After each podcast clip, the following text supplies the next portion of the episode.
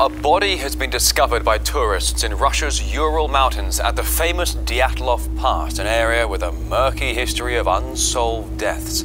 Uh, the pass was the setting for a real life Soviet mystery. The bodies of nine hikers were found almost 60 years ago. The cause of their deaths still unknown. Now, police and emergency teams have set out on an expedition to get to the pass to investigate the latest find. And my colleague Neil Harvey discussed the history of the area with RT's William Whiteman several very peculiar, bizarre things uh, surround this event.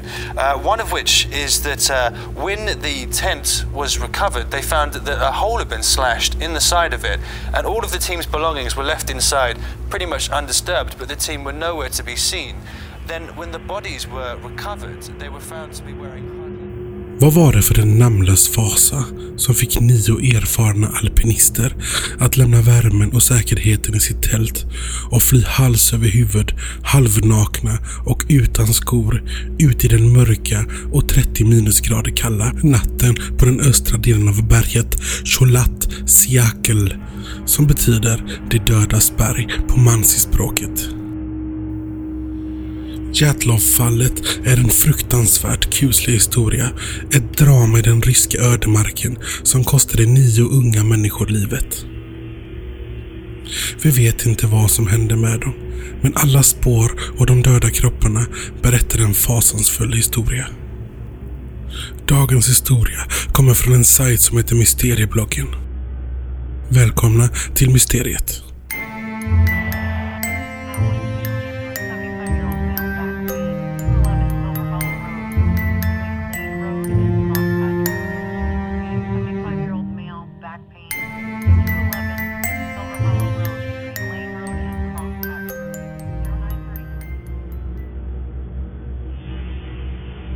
23-åriga Igor Jatlov ledde åtta unga erfarna skidlöpare på en expedition till Otartenmassivet i Ural. Den 28 januari 1959 gav de sig av mot det som skulle bli deras död.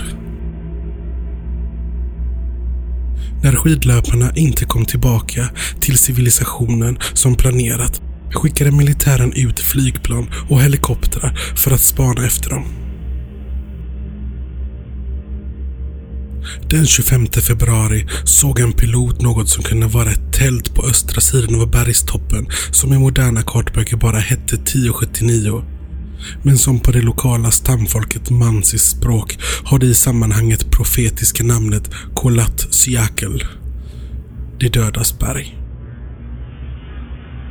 Räddningsteamet nådde platsen dagen därpå. Det piloten sett från luften var mycket riktigt alpinisternas tält. Sönderrivet och delvis täckt med snö. Expeditionsmedlemmarnas tillhörigheter, skor och kläder fanns kvar och fotspåren i snön visade att minst åtta personer lämnat tältet i olika riktningar.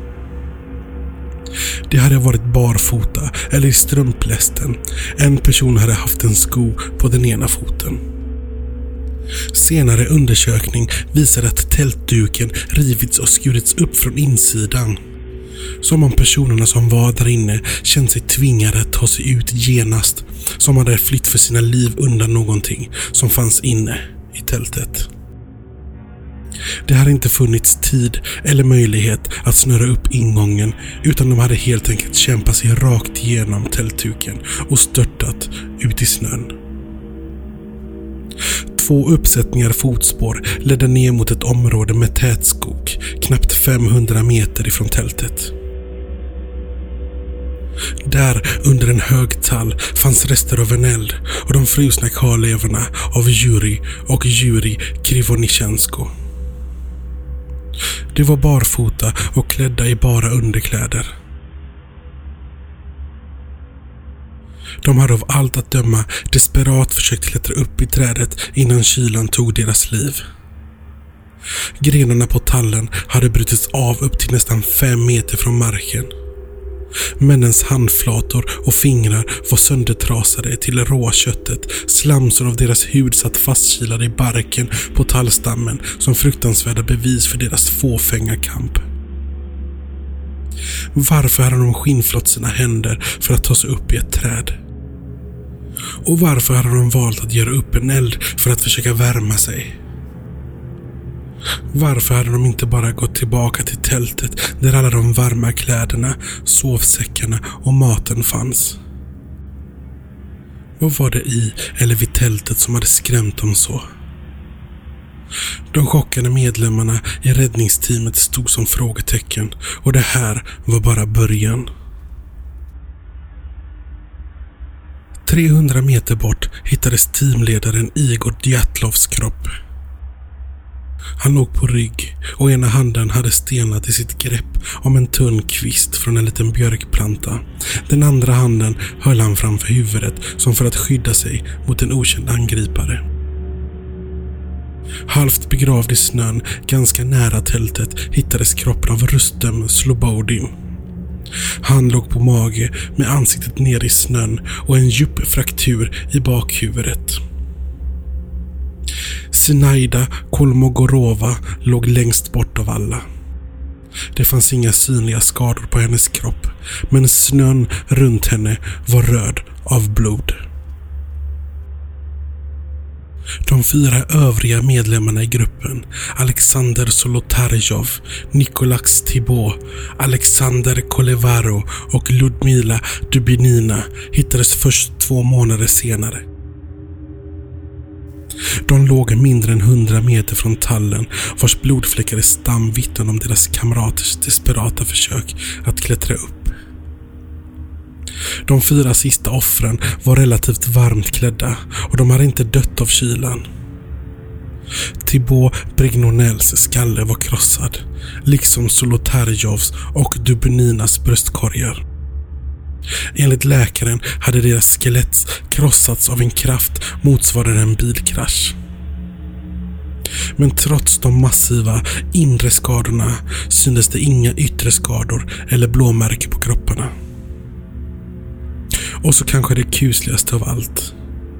Sol Rayos och Dubininas ögon var borta. Deras ögon var borta. Dubininas huvud var bakåtböjd, munnen öppen som i ett stort skrik och det chockade räddningsteamet upptäckte att den unga kvinnans tunga var bortsliten. Vid begravningen var det många familjemedlemmar som reagerade på de döda kropparnas utseende.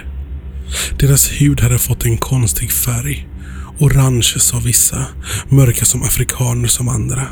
Och de unga människornas hår hade blivit grått. De ryska myndigheterna drog igång en utredning. När filmrullarna från tältet framkallades kunde man studera den sista bilden på gruppen. Av bilden att döma var de vid god vigör och enligt tidens nivå väl utrustade när de bara hade timmar kvar att leva. Men det fanns en bild till på rullen. En bild som förbryllat många. Vad föreställer den sista bilden från Djatrov-tältet? Har ni möjlighet så surfa in på våra sociala medier där vi heter Mysteriepodden. Där kan ni se dessa fotografier det finns de som menar att bilden togs i misstag när räddningsteamet hittade kameran. Det finns de som menar att det bara är en skada på filmen. Och så finns det de som ser en man med höjda händer som står framför någonting som lyser eller brinner. De ryska myndigheterna rekonstruerade skidåkarnas sista natt och kom fram till detta. Någon gång före midnatt den 2 februari blev gruppen skrämd av en okänd händelse. De erfarna alpinisterna var full medvetna om att de inte skulle överleva länge ute på berget utan ytterkläder. Ändå rusade de ut i snön halvklädda. Det skulle de aldrig ha gjort om de inte flydde för sina liv. Gruppen sprang först åt olika håll, men de återförenades så småningom under den stora tallen. Tallen vars blodiga bark vittnade om Dorosjenkovs och Krivonichenkos desperata försök att klättra. Klättrandet kan ha varit för att fly undan en fara på marken, men det kan även ha varit för att försöka se hur läget var vid tältet. Tältet låg högre upp på berget och gick inte att se från marken. Under tallen lyckades gruppen göra upp en eld. Men någon gång under natten fryser Doroshenko och Krivonichenkos ihjäl. Deras vänner delar de dödas kläder mellan sig. Men lämnar underkläder och lägger kropparna sida vid sida vid snön. Kolmogorova, Slobodin och Dyatslov bestämmer sig för att ta sig tillbaka till tältet. Trots det som verkar ha skrämt bort dem från värmen och tryggheten. De försöker ta sig upp för berget mot tältet. Men de är frusna och utmattade och alla tre dör på vägen. De fyra som är kvar, Solotarjov, Tibor Brignolel, Kolevatov och Dubinina bestämmer sig då för att flytta närmare skogen. Kanske för att finna någon slags skydd. Men på vägen dit får de då sina svåra skador och dör. Oklart hur. Den första som dör är enligt obducenterna Tibor Brignolel. Några timmar senare dör Kolevatov och Dubinina. Obducenten kan inte säga om Dubininas tunga avlägsnades efter döden eller medan hon levde. Solotorajov är den sista teammedlemmen som dör av inre skador och förfrysning. Myndigheterna testade av någon anledning om Djatlov-expeditionens medlemmar utsatts för radioaktivitet. Jurij Krivosnikos kläder var radioaktiva. Både underkläder han hade på sig när han hittades och de klädesplagg som hans kamrater tagit från hans döda kropp och klätt på sig själva. Men vad var det som hände egentligen? Vad var det som skrämde dessa unga starka atleter så till en grad att de valde att fly från tältet och utsätta sig för risken att frysa ihjäl istället för att konfrontera det? Och hur fick de sina svåra skador? Många har spekulerat och många rykten har spridits genom åren. Mansi-stammen, förrymda strafffångar, den ryska underrättelsetjänsten och utländska agenter har pekats ut som skyldiga. Men dessa teorier faller på avsaknad av spår på platsen och att skadorna på kropparna enligt läkare inte hade kunnat orsakas av människor. Det finns de som tror att Djatlov-teamet attackeras av den sibiriska snömannen den lokala jättevarianten som går under namnet Almas. Uh, something spooked them, something panicked them. That's why they all went charging out of the tent, completely ignoring any of their training which they would have been through. Um, so uh, people have uh, people, various people have written the theories on it, suggesting it could have been something like a, an attack, something like a yeti, something living on the mountain could have potentially attacked them. Um, some bright lights which were seen in the area um, by witnesses uh, led some to draw conclusions that perhaps it was something like aliens, um, but perhaps more probably that it could have been uh, military testing. There were reports of... Uh... Almas blodisande skrik skulle ha skrämt ut gruppen i tältet och en gigantisk rasande rasande snöman som lyfter upp de stackars människorna och dänger dem i backen ger en möjlig förklaring till de svåra skadorna på kropparna. Men återigen, det fanns inga spår av någon annan, vare sig människa eller djur, på platsen. Eller blev de dödade av något som inte är utav denna värld? Enligt en manslegend legend fick berget Kolatsiakel sitt ökända namn, De dödas berg, efter att nio personer försvunnit på berget för länge sedan. Är själva berget förbannat, hemsökt av onda andar som med jämna mellanrum kräver nio offer? Vid alla mystiska försvinnanden och oförklarliga dödsfall brukar teorierna om utomjordingar komma som ett brev på posten. Så också i Djatlov-fallet. Enligt uppgift ska vandrare i området ha sett konstiga orangefärgade eldklot på himlen ovanför Kolatsiakel på natten när dramat utspelade sig. Mystiska fenomen ska ha setts i skyn i flera veckor efteråt. Lev Ivanov, som utredde fallet för de ryska myndigheternas räkning, ska själv ha trott att de orangefärgade eldkloten hade med fallet att göra. Men på order från överordnade lades locket på. På 1990-talet ska han i en tidningsintervju ha sagt jag misstänkte det då och nu är jag nästan säker på att de flygande kloten hade samband med gruppens död. Ivanov spekulerade att en av skidåkarna sett ett UFO och att hans eller hennes skrik hade fått de andra att fly i panik. Precis då ska en av farkosterna ha exploderat, vilket kan förklara både flykten och Slobodins krossade skalle. Andra saker som sägs bevisa att utomjordingar är inblandade är kropparnas missfärgade hud och det gråa håret samt radioaktiviteten. Men kanske var det som sågs flyga omkring ovanför berget inte från yttre rymden. Kanske var det av ett högst jordiskt ursprung. Kanske föll skidåkarna offer för ett hemligt militärt experiment som gick fel. Det fanns inga tecken på någon explosion vid lägerplatsen på Kolat Siakel.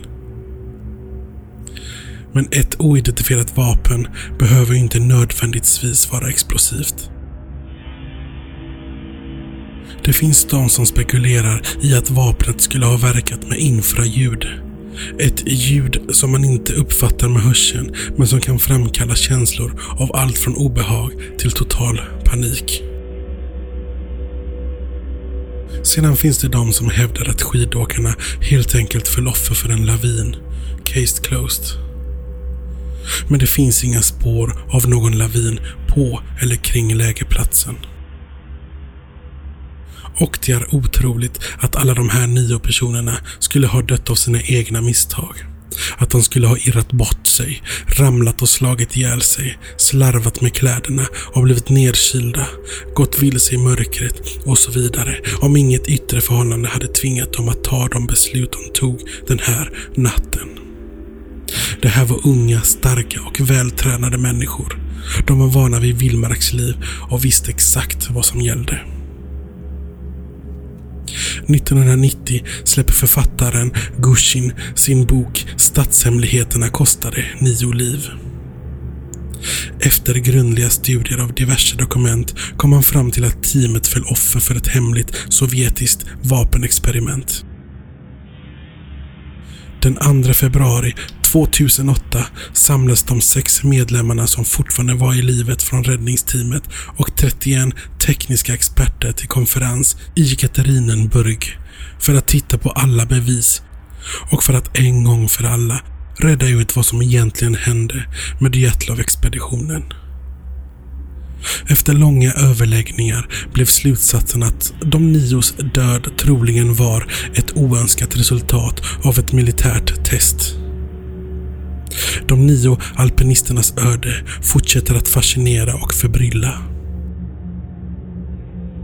Vad tror du hände med Dyatlov-expeditionen?